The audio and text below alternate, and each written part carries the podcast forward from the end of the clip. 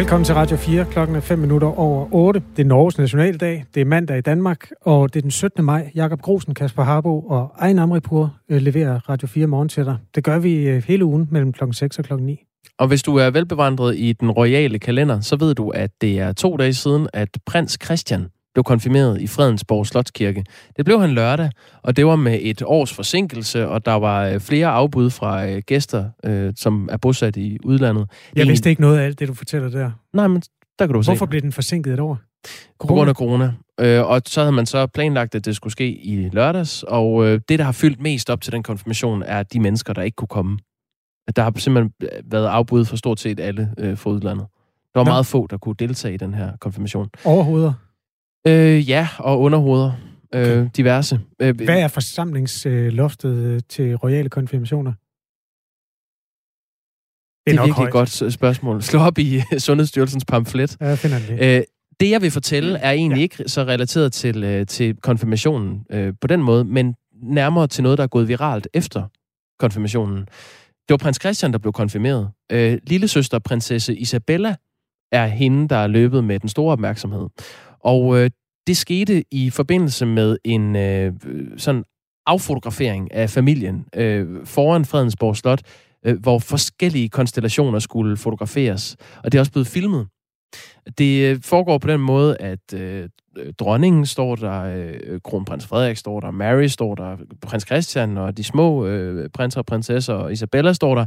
Og så siger, øh, på et tidspunkt siger Mary så til Isabella, nu skal du lige gå med farmor altså gå med dronningen op ad trappen, fordi nu skal vi have, nu, vi skal have nogle billeder med, øh, med Christian. Hmm. Øh, det, det er en, en fotograf, der hæver hånden og siger, kan, kunne I ikke lige gøre det? Og da hun så er på vej op, så kalder Mary hende ned. Jeg, jeg vil egentlig bare lige spille klippet. Det tager 20 sekunder. Ja. Christian, hvordan bliver resten af dagen? Vi bliver Her er sådan lidt, nu går I op ad trappen. Okay lige have et billede med forældrene og konfirmation. Ja. Jeg spurgte farmor, altså er du helt væk? Der går nemlig er, er du helt væk? Ja. S- uh, undskyld, sagde du ikke lige, at jeg skulle gå med farmor? Altså, er, er du helt væk? og jeg har den, jeg har klippet det ned, så vi bare lige har den del. Det er den. Jeg spurgte farmor, altså er du helt væk? Det er altså bare en teenager, der ikke gider det der. Jamen, det er da også fuldstændig øh, ikke i orden at sige, du skal gå med farmor, og så skal man komme tilbage igen. Nej, jeg kan virkelig også godt forstå hende. Altså, det er sådan et uh, tabernakel, og nu går du op ad trappen, og nu skal du blive stående, nu vender du dig om, og du går op, og du går ned, og nej, kan du lige komme ned igen? Det gider man ikke. Nej. No. Hverken når man er prinsesse, eller når man uh, ikke er. Jeg synes bare, det er et uh, fint menneskeklip fra kongehuset. Ja. Det, det er mit take på den konfirmation. Godt, så er den også dækket. Flueben ved den. Øh, det var dagens øh, royale lille kig ind i det royale maskinrum Øh, ved øh, hofreporter Jakob Grosen.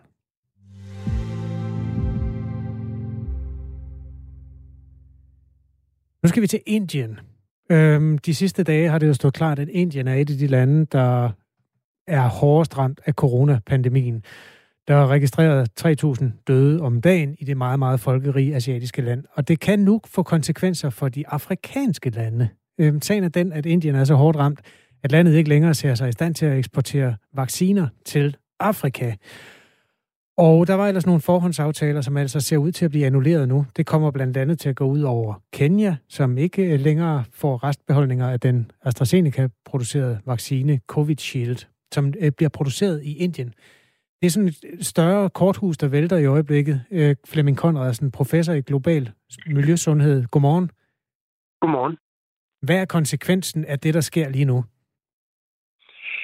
Ja, det er, som I selv er inde på, at leverancerne de øh, midlertidigt er sat på pause, og det er faktisk lidt uklart, hvornår de bliver genoptaget ind i både øh, øh, COVAX, det internationale øh, organisation eller initiativ til fordeling af vacciner, men også nogle af de sådan mere direkte aftaler mellem Indien og lande i Afrika, for den sags skyld også andre lande i Sydasien, de er sat på pause.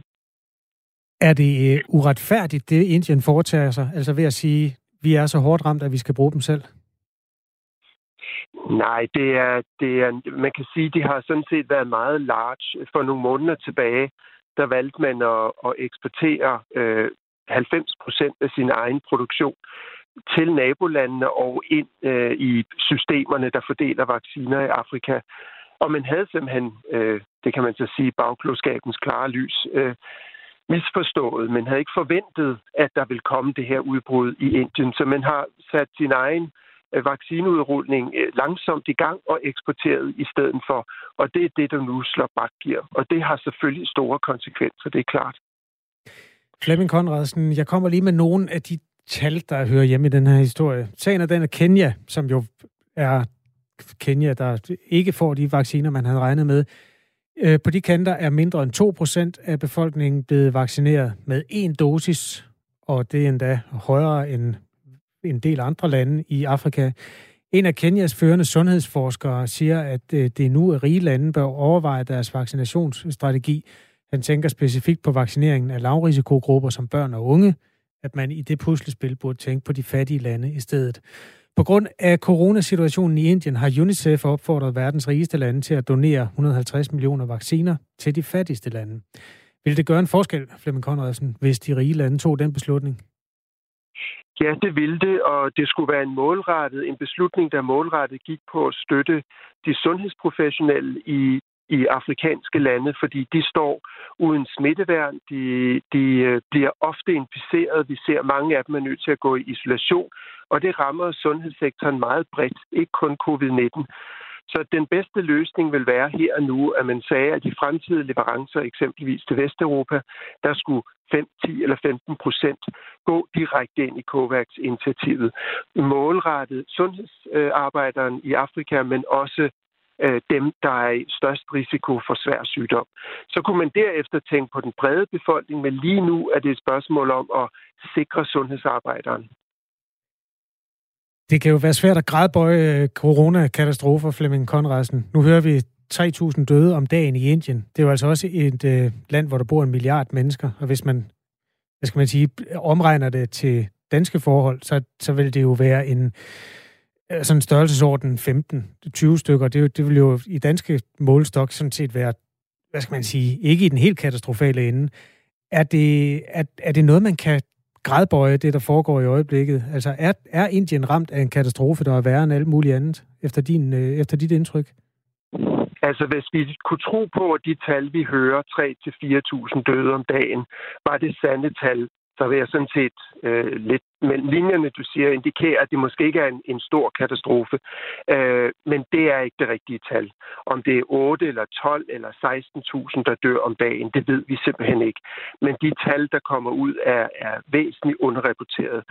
Og det, der er, er problemet i Indien, det er, at sygehusvæsenet er ved at knække på grund af den, øh, den hvad kan man sige, det, det pres, covid-19 lægger på dem. Øh, og det er, det er et problem for covid-19, men det er et endnu større problem for de andre øh, sundhedsudfordringer, som sundhedssystemet også skal håndtere. Kan du fortælle noget mere om det? Altså, hvor, hvor, hvordan kan man så vide, hvor mange døde der er, hvis man ikke ved det?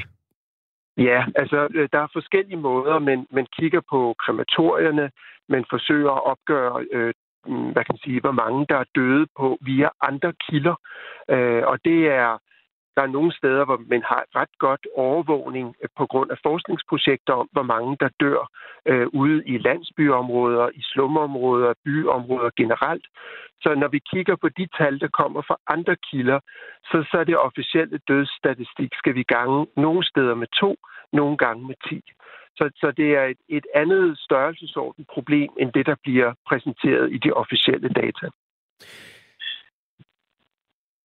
Den helt store øh, eller det redningsplanken i det her er jo altså vaccinerne. Og mens vi i rige lande som Danmark er nået forholdsvis langt, og nogle er nået endnu længere end os, så er man jo, som vi var inde på, meget øh, skidt kørende i øh, ulande. Og er, er der nogen som helst realistisk mulighed for, at vaccinationsgabet vil ændre sig, før rige lande er færdige med at vaccinere sine egne borgere? Ah, jeg vil ønske det, men øh, jeg er faktisk jeg er ikke sikker. Der kommer nogle, heldigvis nogle initiativer nu også fra EU. Simpelthen, at man, er, man kan godt indse, at man er nødt til at gøre mere for at bygge produktionskapacitet op. Man er nødt til at gøre mere for at dele ud af, hvad man har på lager og de fremtidige forsyninger. Og det gør man af to grunde, og det er geopolitisk. Så når Indien ikke kan levere til Afrika eksempelvis, så møder Kina og Rusland og andre op med nogle leverancer, og de køber sig dermed også til en utrolig goodwill, kommersiel og politisk indflydelse, og det ønsker EU ikke. Det andet grund til, at EU nu er begyndt at røre på sig, lige så vel som Nordamerika, USA hovedsageligt er begyndt at røre på sig, det er, at man kan godt se, når pandemien går ud af kontrol, eksempelvis i Indien, så er det kun et spørgsmål om tid, før der udvikles nye varianter, som kan ramme os som en, en boomerang. Øh, så hvis vi ikke får kontrol over pandemien alle steder, støtter sundhedssystemerne i at kunne kontrollere pandemien, så før eller siden, så står vi med et rigtig stort problem.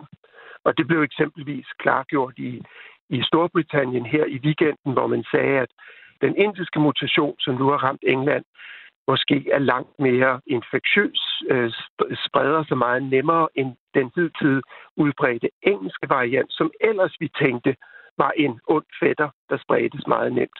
Så den skaber, skaber relevant bekymring verden over, når der udvikles en variant, som kan klare sig i konkurrenten, konkurrencen med de andre virus, der cirkulerer. Det sagde Flemming Konradsen, som altså er altså professor i global miljøsundhed. Du skal have tak, fordi du var med i Radio 4 morgen. Selv tak. God dag. Ja, god dag til dig. Tak. 16 minutter over 8, så kom vi lige en tur til England også øh, undervejs i den her øh, lange øh, saga om vaccinerne og mutationerne. Ja, Flemming Conradsen åbner jo for den indiske variant, som øh, har vagt bekymring i Storbritannien. Øh, britiske forskere har vurderet, at den kan være op mod 50% mere smitsom end den britiske. Og det er et tal, der er omgivet af en vis øh, form for usikkerhed. Men i hvert fald en meget øh, smitsom variant.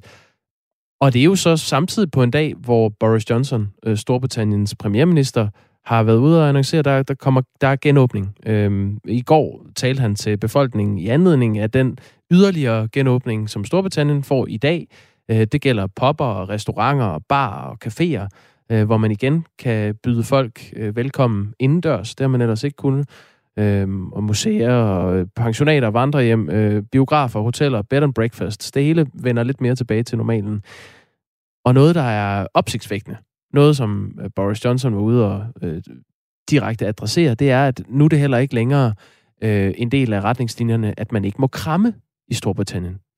Har det været sådan officielt, lad være med det, eller har det været et godt råd? Det har været et, øh, et, et godt råd. Det har været en del af, øh, faktisk en del af retningslinjerne, at man ikke skulle kramme hinanden. Ligesom i Danmark. Men det, det er nu øh, opløst. Man må godt, også fra forskellige husholdninger, mødes i et kram.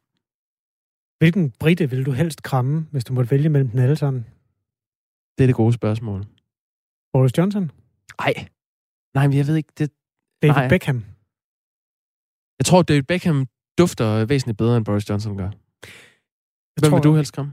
Jamen, jeg kunne godt, Boris. Du vil øh, godt kramme Boris ja, Johnson? Ja, sådan, sådan en øh, god øh, bjørnekram, og så lige den der, hvor man slutter med at nulle hans hår. Altså lige rode hånden gennem hans hår. Det tror jeg også, det er derfor, han ser sådan ud jo. Ain't that necessary? Jamen, jeg ville nok, øh, jeg ville kramme John Lennon, hvis han ikke var død.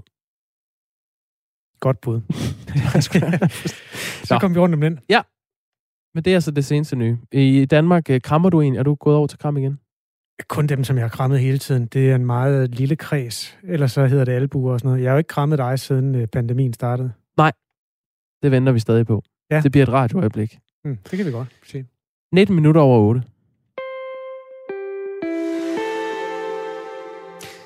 Det har været på øh, tegnebrættet i fire år, men øh, coronarestriktionerne tvinger nu det store Pride-event World Pride til at ændre form. Det er en øh, stor parade, som skulle være afholdt i øh, København den 21. august, som nu bliver aflyst. Det oplyser arrangøren øh, Happy Copenhagen i en øh, pressemeddelelse. Og nu skulle vi have haft øh, hul igennem til Benjamin Hansen, som er næstforperson og direktør for Copenhagen 2021, som blandt andet omfatter den her Pride Festival, World Pride. Men der er simpelthen ikke hul igennem. Okay, Jamen, den så tager vi lidt. det kom vi måske lige lidt for tidligt ind i. Han, han tager simpelthen ikke telefonen. Må jeg ikke, sætte noget, må jeg ikke fortælle noget andet så? Jo, så, så kan vi vende vi tilbage, til, den. til priden. Det kommer vi til at vende den tilbage pride, til. Det er sjovere, når ja. vi kan tale med øh, en person, som er involveret i det. Som kan sige, ja, den er aflyst. Forhåbentlig mere end det. Ja. Vi, okay. øh, ved du hvad, den, den holder vi lige ud i strakt arm, så, så tager vi den her ind i øh, håndfladen i stedet for.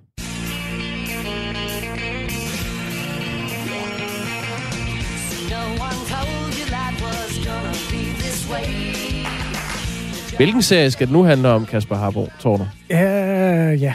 Friends. Friends. Mm. Øhm, en serie, som kørte med kæmpe succes fra 1994 til 2004. Seks mennesker i en sofa, eller hvad er det nu? Seks meget hvide mennesker i en sofa. Nå ja, det er det. Det er der, vi skal hen. Øh, fordi der den 27. maj er premiere på et meget længe ventet øh, reunion-afsnit af Friends, hvor det lykkedes øh, streamingtjenesten HBO Max at samle skuespillerne Jennifer Aniston, David Schwimmer, Courtney Cox, Lisa Kudrow, Matthew Perry og Matt LeBlanc, som altså spiller det her cast, eller ja, castet for venner, hmm. skal genforenes. Og øh, det bliver optaget, eller det er blevet optaget tidligere på året i de øh, originale kulisser fra serien. På gæstelisten finder man navne som David Beckham, før omtalt. Nej, skal han være med i Friends? Jeps. Justin Bieber. Så skal jeg se det for første gang. Jeg har aldrig orket det. Men det der, så det kan jeg godt. Hvad med dig og David Beckham? Jamen mere... Det er mere sådan Friends. Jeg synes, den er ufattelig stillestående, den til... Det tror jeg faktisk ikke, jeg kan være uenig i. Øhm, Lady Gaga er også med. Nu, jeg nævner bare nogle mennesker, som på Twitter er blevet øhm, meldt ud, at de skal være med. Øh, det har ligesom øh, rygterne går forud for, at det her afsnit faktisk bliver sendt den 27. maj. Hvorhen? HBO Max. Okay. Og nu øh, er Friends råd i shitstorm igen. Fordi Nå. Friends-serien har før været i shitstorm, fordi der næsten ikke var nogen sorte mennesker med. Og det øh, har øh, mødt stor kritik. Man har fået det indtryk, når man så den serie, at der næsten kun boede hvide mennesker i New York. Nå. Og øhm, Altså, udover hovedpersonerne, er der så er der ikke nogen bipersoner, øh, statister? Ross, øh, David Swimmers karakter, dater på et tidspunkt en Asian American og en øh, Afro-American øh, dame. Ikke på samme tid, men... Og det, det var noget, han ligesom fik ind i det, øh, David Swimmer, fordi han synes at det var vigtigt, at der var noget repræsentation ja. af andre øh, hudfarver end den hvide. Okay. Øh, det har serien fået kritik for, og nu har man så arbejdet i øh, ja, næsten 20 år på et øh, nyt afsnit, og der er også øh, indtil videre kun meldt hvide mennesker ud til det her cast, og nu ryger Friends igen i shitstorm. Hvem har, er, altså, er det hvide, eller er det sorte mennesker, der er sure? Øh, jeg tror, det er lidt af hvert. Okay. Men det er nogen, der har den øh, øh, øje for den dagsorden. Øh, der er en, der skriver her, efter at have, været, efter at have overbevist os om, at New York ikke har nogen sorte eller brune mennesker i ni sæsoner, laver de en reunion med 25 kendiser, og på en eller anden måde undgår de at finde en sort person, er der en, der har skrevet på Twitter her. okay, det er også lidt påfældende. Ja. Jeg troede, da du fortalte om den første gang, troede at det var fordi de seks personer stadig er hvide, altså hovedpersonerne. Og det, det, jo, det, det er de jo nødt til at være. Men ja. de har simpelthen ikke en eneste ven, der er sort. Øh, åbenbart stadigvæk ikke, nej. Nej. Og okay. det, det, man ikke ved, er, hvad, hvordan er det her øh, reunion-afsnit af Friends overhovedet udformet. Øhm, HBO har for længst slået fast, at der ikke er tale om et nyt originalt afsnit. Så om det er bare sådan noget, med, hvor de sidder i en sofa og husker de gode øjeblikke for serien, det ved vi ikke endnu. Hmm. Ja, det må man se den 27. maj, hvis man øh, har lyst til det. Der er altså ikke nogen sorte med. Klokken er 8.23. Og nu Benjamin Hansen, næste forperson og direktør for Copenhagen 2021, øh, som blandt andet opfatter Pride Festivalen World Pride. Godmorgen. Godmorgen. Det er i virkeligheden hurtigt overstået, hvis vi skal fortælle dig, øh, hvad der sker. Øh, der sker nemlig ikke noget. Den store parade i København 21. august aflyses, oplyser Happy Copenhagen i en presmeddelelse. Er du ked af det? Det er jeg enormt ked af, men som vi jo også skriver i vores presmeddelelse, så er vi også glade for, at vi ikke aflyser noget af vores event helt, men erstatter det med andre øh, ting, som kan leve op til covid-19-restriktionerne. Der er lang tid til den 21. august. Hvad er det, der har fået jer til at aflyse allerede nu? Jamen altså, som, som organisation og har vi jo været nødt til at sætte os ned med vores produktionsfolk og sikkerhedsfolk og lave en plan efter genåbningsplanen blev offentliggjort og sige, hvad, hvad kan vi gennemføre uden at ændre noget, og hvad skal vi ændre for at kunne leve op til restriktionerne. Det bliver vi jo nødt til som ansvarlig organisation for så stort et event, at lægge nogle planer, som med 100% sikkerhed kan afvikles under de øh, restriktioner, som der nu ser ud til at være, skal være i august. Og så må vi jo håbe på, at politikerne genbesøger det, som vi har sagt flere gange, at vi mener, de bør. World Pride er et internationalt LGBT LGBTI plus arrangement, og det hed til største af sin slags på dansk jord. Øhm, altså LGBTI plus er en forkortelse for homoseksuelle, biseksuelle, transseksuelle, interseksuelle og andre seksuelle og kønsrelaterede minoriteter. Og øhm, det afholdes jo sammen med øh, det sportsevent, der hedder Eurogames fra den 12. til 22. august, og der var ventet op imod en million besøgende. Altså tallet med en million besøgende, det har I formentlig også allerede nu, øh, eller hvad skal man sige, allerede for længe siden øh, vidst, at det vil, der vil blive nogle sten på vejen der. Hvorfor er det lige præcis nu, I aflyser? Ja, men det kommer helt naturligt efter genåbningsplanen. Den blev offentliggjort øh, fra forlispartierne, og så satte vi os ned og begyndte at arbejde det hele igennem. Og vi har arbejdet hårdt i fem år på det her event, så vi vidste, at en aflysning, det var ikke en mulighed. Så vi har arbejdet Øh, benhårdt på at lave et format, som lever op til alle restriktioner, og det har vi gjort ved at sprede os mere ud over byen. Vi, har, vi tager mange flere pladser øh, og bruger og sætter i, sætter i brug øh, og som vi også gjorde i forhold til, til paraden. Det handler jo ikke, vi kunne sådan set sagtens holde en sikker parade. Problemet er, at, vi ved godt, at vores demonstration det vil tiltrække mange mennesker, og, og vi kan ikke øh, med, med ro i maven holde så stor en parade, hvor vi ved, at mange, mange tusind mennesker vil stemme op omkring. Så derfor så laver vi mindre øh, protestmarscher rundt omkring i byen, hvor at, at det er færre mennesker, der, der går i demonstration, og dermed også øh, færre mennesker der skal, og flere mennesker, der kan sprede sig ud over byen. Hvordan øh, vil I helt præcist sådan løse det nu? I skal finde på et eller andet. Hvad, hvad, hvad, hvad vil I gøre i stedet for? Øh, heldigvis så har, jeg, har vi et rigtig, rigtig godt team, som er super dygtige. Og det, vi sådan helt øh, øh, overordnet gør, det er som sagt, at vi spreder aktiviteterne ud over byen. Vi beholder alle de pladser, vi har i forvejen. Så øh, putter vi flere ovenpå, og så fordeler vi aktiviteterne ud over byen, sådan at der vi kan holde os på de 500 øh, mennesker på hvert område. Og så derudover så har vi jo 29 sportskampe rundt omkring i byen, hvor vi så nu øh, lægger endnu mere fokus på de venues, hvor at, at der er sportsgrene, øh, så vi kommer ud endnu længere ud. Øh, og så har vi rigtig gode formater som, øh, og rigtig gode partnere. Vi har 50 kulturpartnere, som også kommer til at holde aktiviteter. Så vi kommer til at kæmpe stort program, og vi kommer til at erstatte store arrangementer med, med mindre øh, mindre arrangementer, som lever op til restriktionerne. Men øh, der er ikke noget, vi aflyser. Vi, vi laver bare om i planerne.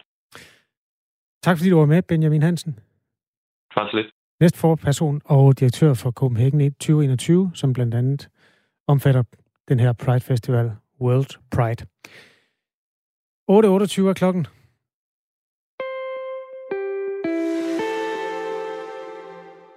Øh, skal jeg lige fortælle en lille trist nyhed fra Øhm, det ved jeg da ikke, måske.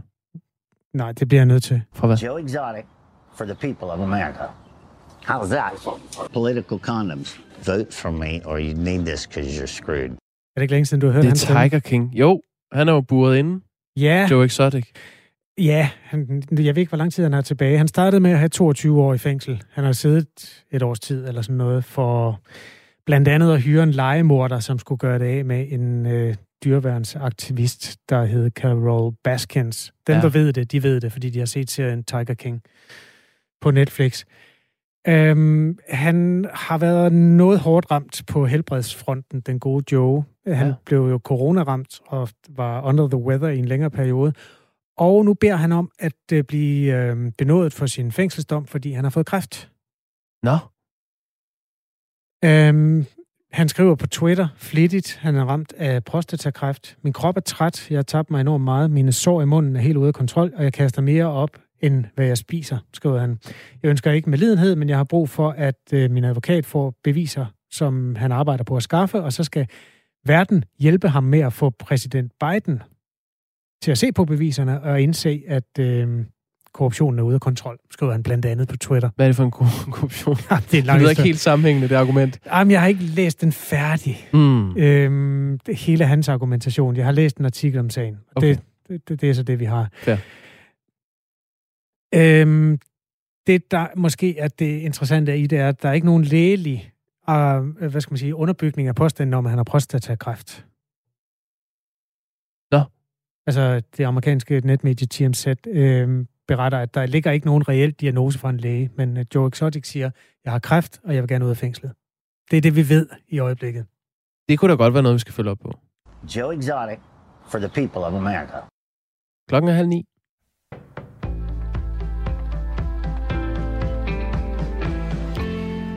Danmarks økonomi skrumpede med halvanden procent i årets første tre måneder, hvor dele af samfundet var lukket ned. Det viser en BNP-indikator fra Danmarks Statistik. Tallet skal ses i forhold til fjerde kvartal af 2020. Tallet er en indikation for udviklingen i Danmarks BNP, der altså er et udtryk for størrelsen på dansk økonomi. Og det er den næststørste tilbagegang i et kvartal siden finanskrisen i 2009. Udviklingen skal ses i lyset af, at dele af Danmark var lukket ned i hele eller store dele af kvartalet. Det galt blandt andet detailhandlen, der fik lov at genåbne 1. marts, mens restauranter, caféer og bar var lukket hele kvartalet. Faldet i BNP i første kvartal af 2021 er ikke lige så stort som faldet under den mere omfattende nedlukning i andet kvartal af sidste år. I første kvartal af 2021 var nedlukningen mere centreret på udvalgte områder og rammer derfor ikke økonomien lige så bredt, det skriver Danmarks Statistik. Der er brug for flere midler, hvis vi skal have stoppet udviklingen med, at flere og flere børn under nedlukningen er blevet henvist til børne- og ungdomspsykiatrien. Sådan lyder beskeden fra Børne- og Ungdomspsykiatrisk Selskab, også kaldet BUB. På landsplan er antallet af henvisninger til udredning af børn og unge steget, fortæller Linda Hardis til Bremsen, eh, der er formand for BUB og ledende overlæge i børne- og ungdomspsykiatrien i Region Nordjylland. Flere har belastningssymptomer efter nedlukningerne, som over tid kan føre til for eksempel angst, depression og spiseforstyrrelser. Derfor opfordrer BUB kommunerne til at lave et beredskab, så blandt andet lærere, pædagoger og sundhedsplejersker ved, hvor de kan få råd og støtte til at hjælpe eleverne, nu hvor skolerne er åbnet igen. Coronarestriktionerne tvinger nu efterårets World Pride-parade i København til at aflyse den store parade, det oplyser arrangørerne. I stedet arrangeres flere mindre begivenheder under arrangementet, så, så, som lever op til restriktionerne i samfundet. Den store Pride-scene erstattes af mindre arrangementer rundt i byen og livestreamede koncerter for 5.000 siddende gæster. USA's udenrigsminister Anthony Blinken landede i går aftes i København, og det er det første officielle besøg, en minister i præsident Joe Bidens regering aflægger i Danmark. Anthony Blinken har i dag flere møder i København, blandt andet med statsminister Mette Frederiksen og udenrigsminister Jeppe Kofod. Og noget af det, der er på dagsordenen, er klima- og sikkerhedspolitik. Og turister fra flere EU-lande, heriblandt Danmark, kan fra i dag få lov at rejse til alle regioner i Portugal. Det oplyser det portugisiske indrigsministerium. Eneste krav er, at man kan fremvise en negativ PCR-test ved afrejse, der ikke er mere end 72 timer gammel.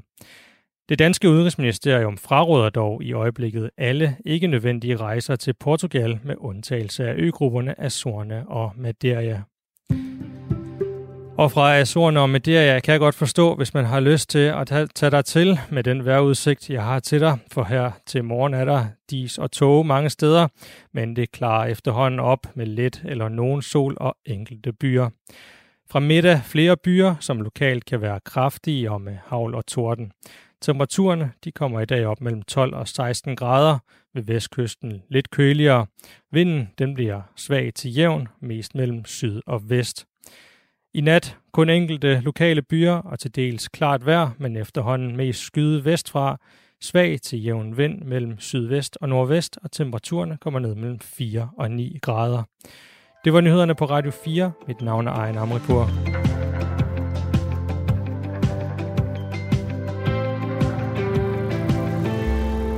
Godmorgen, klokken er 8.34. Du hører Radio 4 morgen med Jakob Grosen og Kasper Harbo, og så vores nyhedsvært Ejne Amripur, der kommer øh, igen klokken 9 med seneste nyt. Og det er på en øh, morgen, hvor vi har debatteret om aktiv dødshjælp og øh, det, man kalder assisteret selvmord, bør være en rettighed i Danmark. Og det gør vi, fordi etisk råd øh, vil åbne for den øh, interne debat igen øh, i kølvandet på en udvikling i Tyskland, hvor øh, den tyske lægeforening for nylig besluttede at fjerne forbuddet mod, at læger kan assistere øh, smerteplade og dødeligt syge patienter med at dø. Vi har taget debatten her til morgen, og vi har fået en masse gode sms'er, som jeg synes, vi øh, skylder at læse højt. Blandt andet fra Tine i Hirtals, øh, som øh, skriver, øh, mange tak for et godt program. Tak skal du have. Så skriver hun, øh, min mor var syg af kræft, og selvom jeg kun var 6-7 år, da hun døde, så husker jeg tydeligt, hvor forfærdeligt hun havde det. Hun døde hjemme i sin seng, hvor hun forinden havde ligget i flere måneder. Min mor fortalte mig så, da jeg blev ældre, at mormor havde fået hjælp af lægen, som havde givet hende godt med morfin. Jeg blev helt sikkert mere lettet end ked af det, for jeg glemmer aldrig, hvor fantastisk et menneske mormor var, og hun havde bestemt ikke fortjent sådan et liv i lidelse. Havde hun dengang selv kunne vælge, så er jeg slet ikke i tvivl om, at hun havde valgt aktiv dødshjælp. Med venlig hilsen, Tine fra Hirtals. Ja, jeg kan huske, øh, det eneste døende menneske, jeg har været tæt på, det var min bedstefar, Karl Martin, som øh, i den grad var med af dage. Jeg tror, han var 93. Og personalet på plejehjemmet vidste jo godt, hvor det bare hen med ham. Til sidst så var, at man fratog ham alt, hvad der hed altså væske og drop, og han fik ikke noget som helst mere.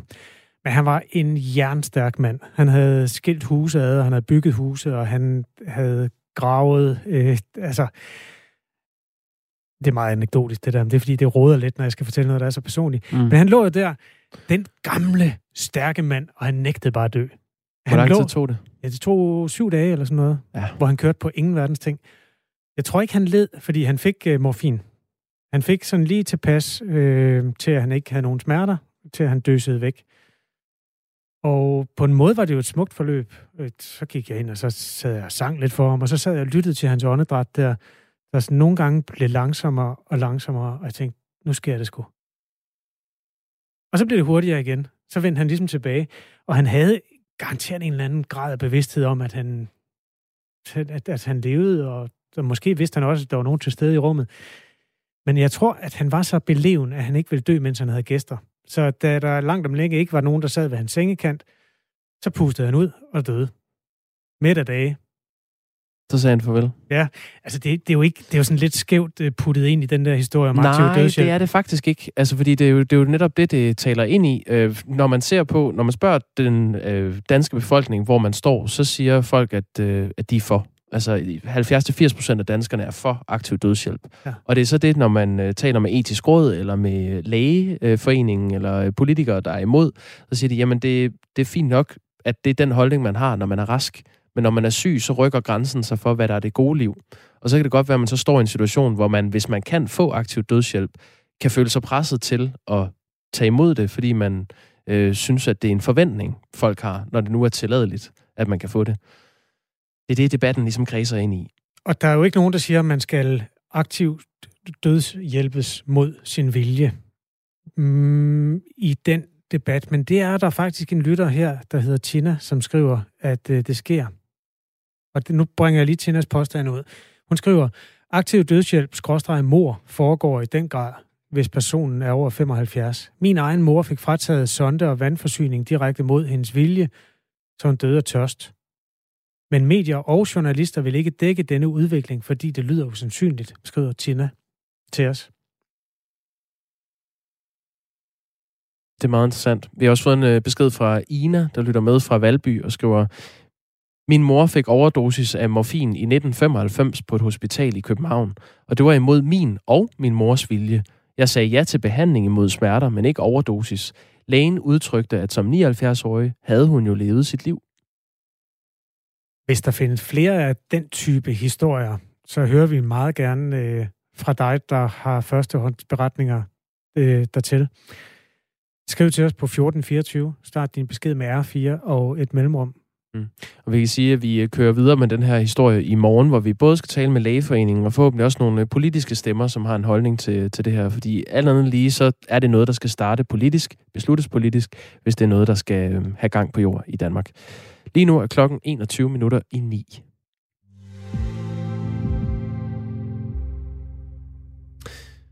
Hvorfor er der så store regionale forskelle på, hvor mange sekunder vatpinden skal op i næsen?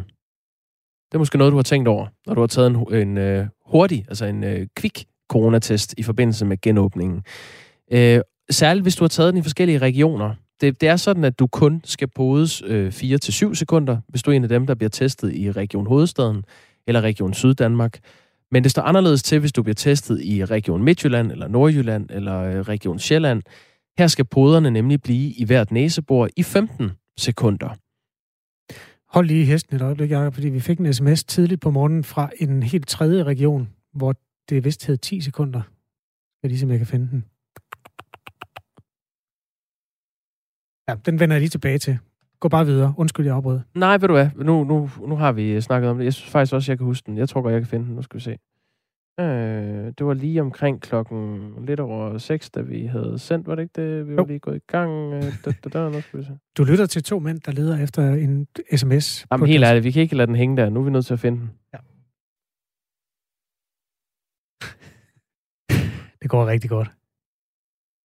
Nej, ved du hvad, gider du ikke lede efter den, mens Jo. jeg siger godmorgen? Fordi vi, vi skal jo øh, faktisk tale med et menneske, der har øh, øh, øh, ekspertise inden for det her felt. Det er dig, Peter Kamp Busk. Godmorgen. Godmorgen. Godmorgen. Ja, forsket i coronatest på Roskilde Universitet. Undskyld øh, bøvlet. øh, hvor, lad os starte der. Hvorfor er der så stor forskel på, øh, hvor lang tid man skal podes, alt efter hvor man bliver det i landet?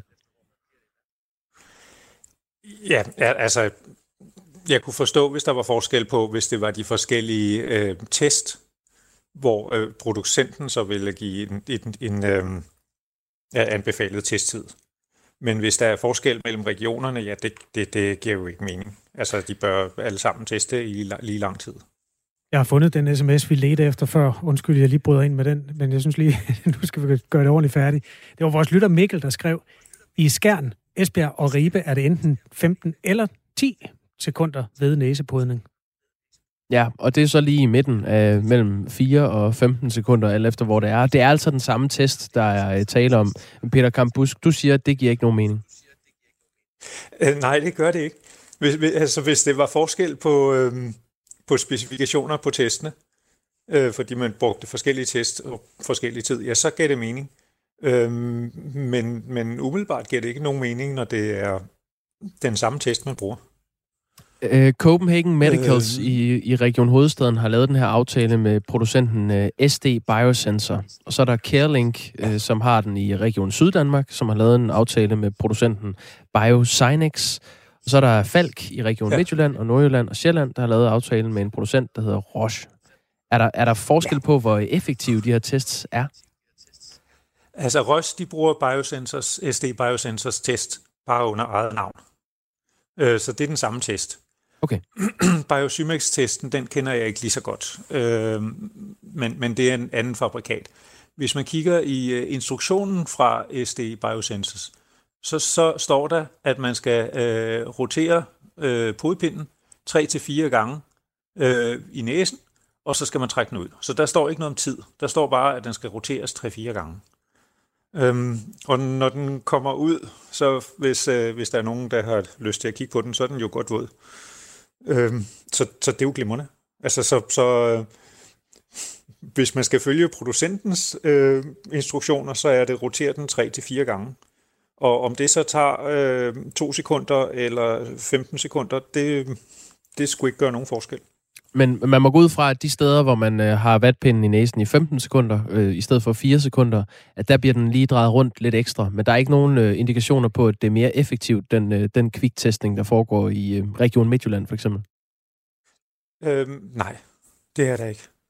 Må jeg stille et meget sådan, øh, menneskenært spørgsmål, Peter Kamp Busk? For der er noget, jeg har tænkt over, når jeg selv har siddet og blevet podet i min næsebor.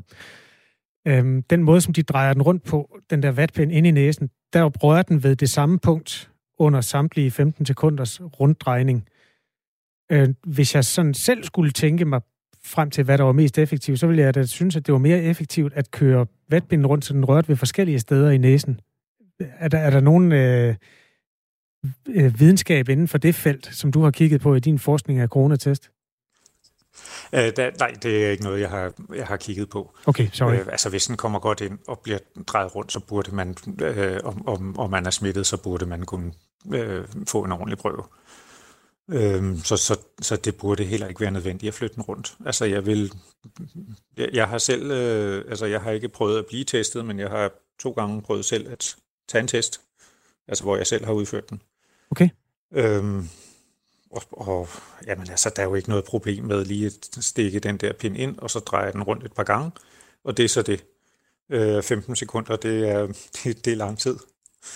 Øhm, det kan måske øge ubehaget, hvis, hvis det, altså det gør man jo ikke, når man gør det selv, men hvis andre tager testen, der er jo nogen, der får det meget ubehageligt. Øhm, og der er det jo en fordel, hvis det er hurtigt overstået. Øhm, så, så jeg vil da foretrække et sted, hvor, hvor øh, tiden skal være så kort som muligt. Tre til fire gange rundt, øh, og helst en person, der er, er venlig og kan finde ud af at håndtere den der pind, så, så det ikke, som ikke har ondt i næsen resten af dagen. Lyder fornuftigt. Tak skal du have, fordi du vil være med, Peter Kamp Busk. Jamen, det var så lidt. Forsker i blandt andet coronatest, og det er øh, tilknyttet Aarhus, nej undskyld, Roskilde Universitet. Klokken er øh, kvart i ni. Du lytter til Radio 4 morgen.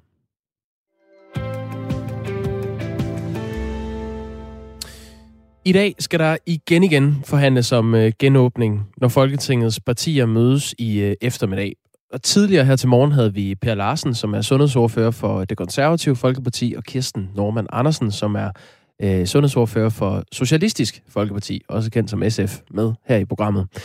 Det konservative øh, Folkeparti har jo været ude med en øh, melding om, at man øh, skal gentænke hele det her genåbnings... Øh, øh, nu vil jeg ikke lægge en ladning ned og kalde det et show, øh, eller et cirkus, men øh, man skal vende det om, og så skal man tænke, alt er åbent, hvad har vi brug for at lukke, i stedet for at øh, åbne så småt op på det, der allerede er lukket.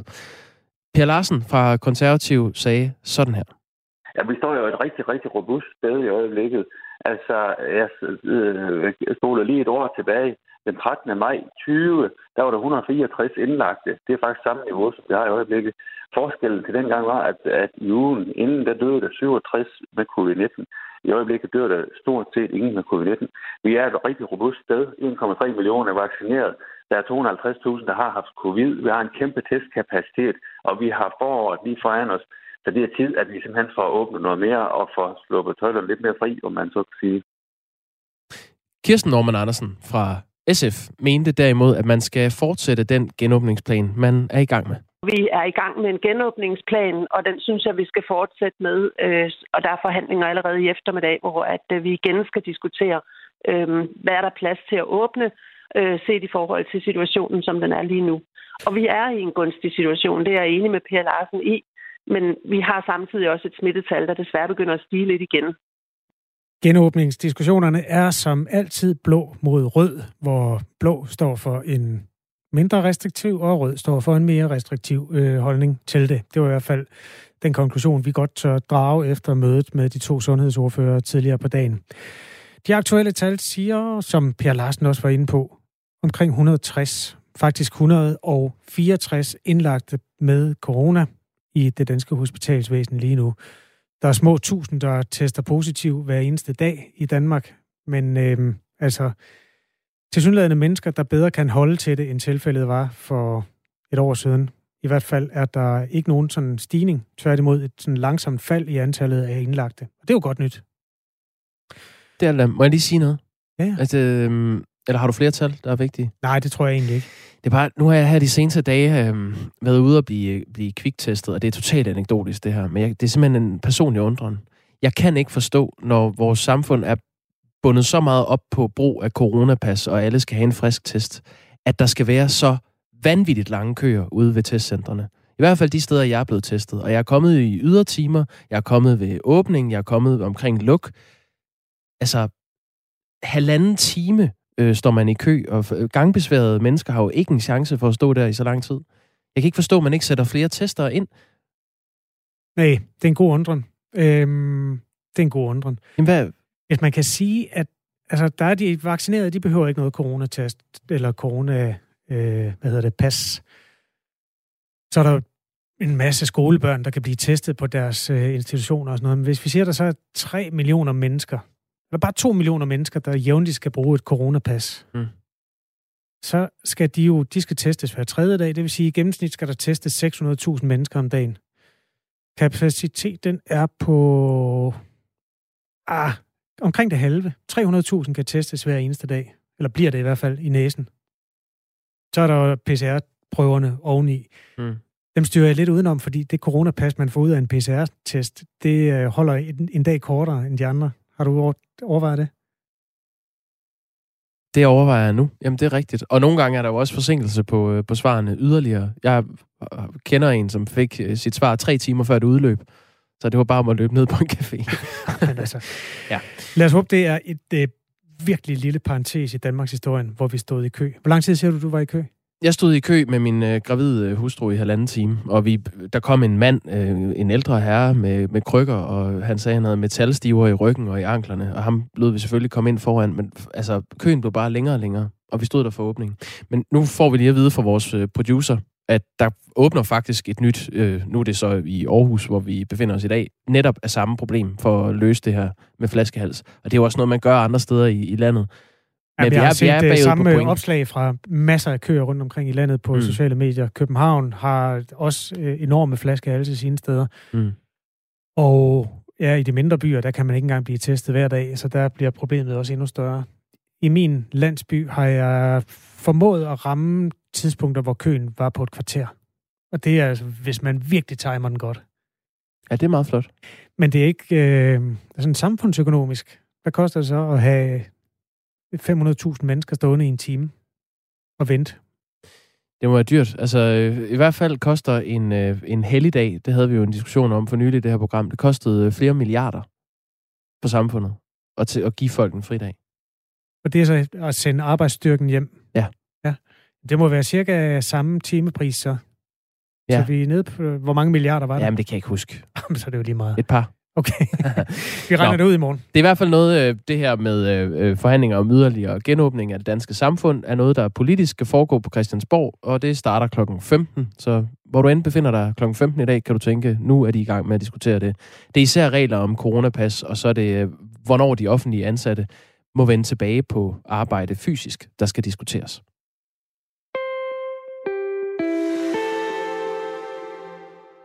Den måde, som vi her i Danmark håndterer terrordømte i fængslerne, den vækker international kritik.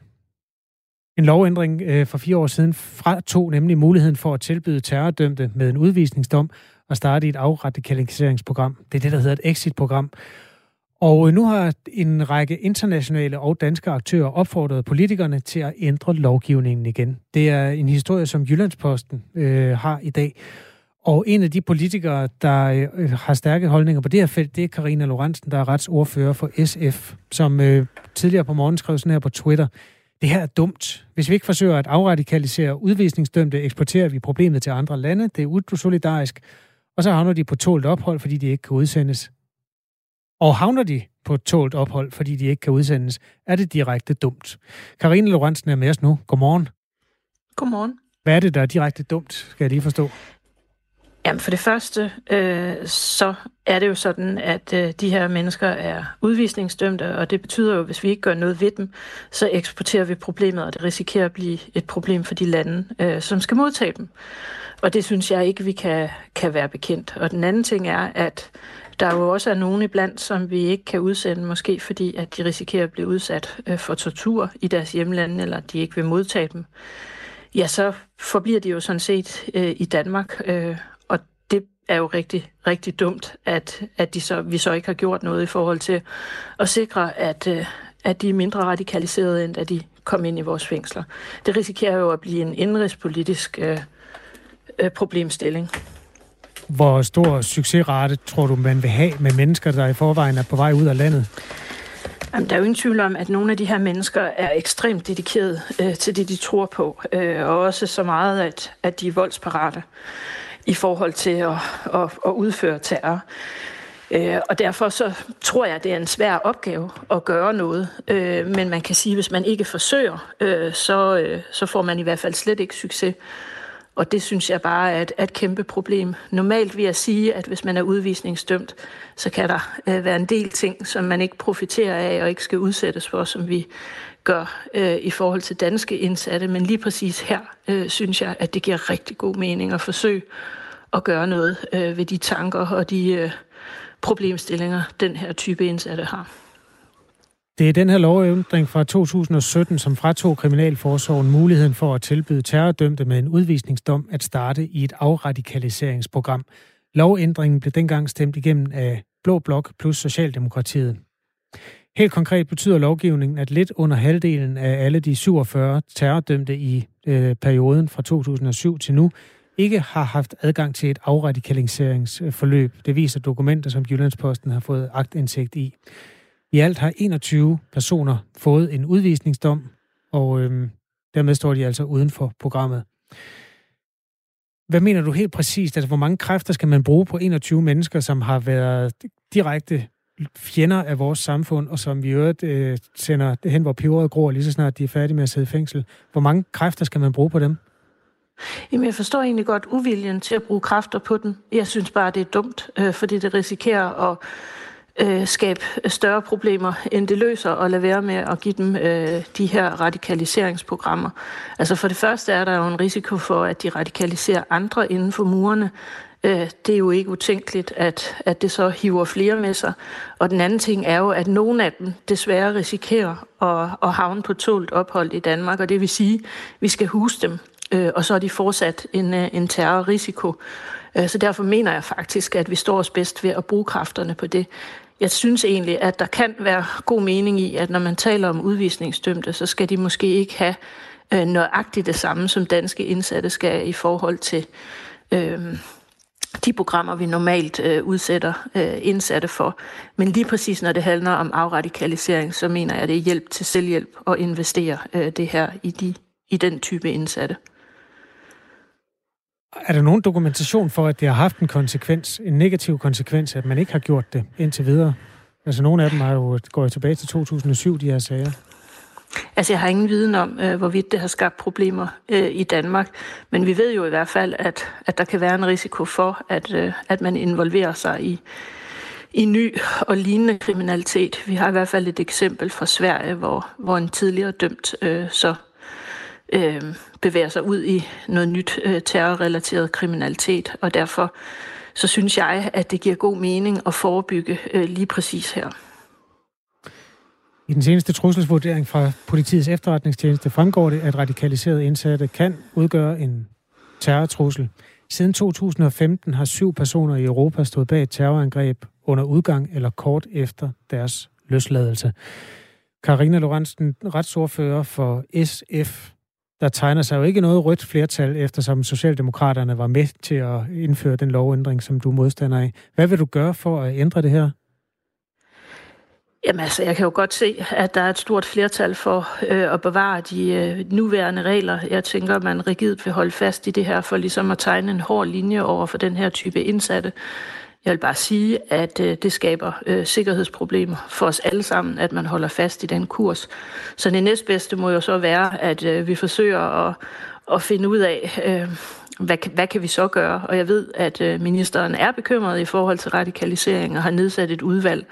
Og jeg håber jo, at de ligesom vil komme tilbage og sige, hvad kan vi så gøre i forhold til den her gruppe indsatte? Bare lad stå til. Det mener jeg ikke kan fungere.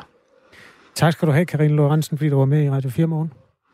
Selv tak. Retsordfører for SF, som altså er en del af mindretallet i den her debat om, hvorvidt man skal bruge radikaliserings, afradikaliseringsprogrammer på de mennesker, som står med en udvisningsdom efter endt fængselsophold.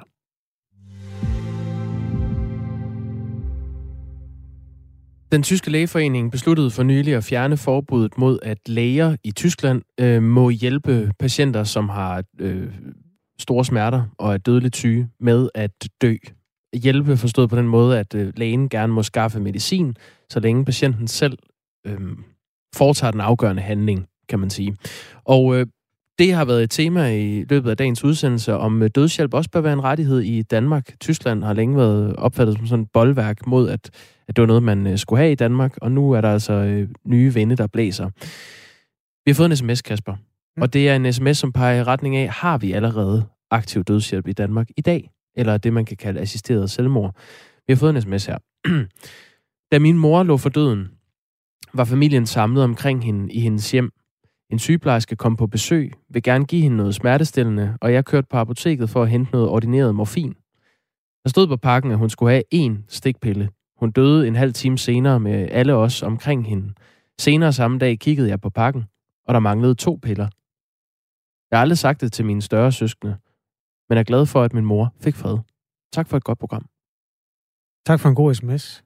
Altså, historien er, at hun har fået dobbelt øh, morfindosis på en eller anden måde. Ja, med en sygeplejerske. Mor. Okay. Det er en, øh, en svær problemstilling, som vi øh, går videre med i morgen. Vi skal tale med lægeforeningen øh, klokken lidt over halv ni i morgen, om lidt under 24 timer her på kanalen. Ja, der er Ring til Due på den her radiokanal, øh, som hedder Radio 4. Det er der om fem minutter, når egen Amripur har læst øh, nyhederne op. Jakob Grosen og Kasper Harbo har sådan set bare tilbage og krydse fingrene for, at din mand bliver rigtig god. Tak fordi du har hørt det her morgenprogram.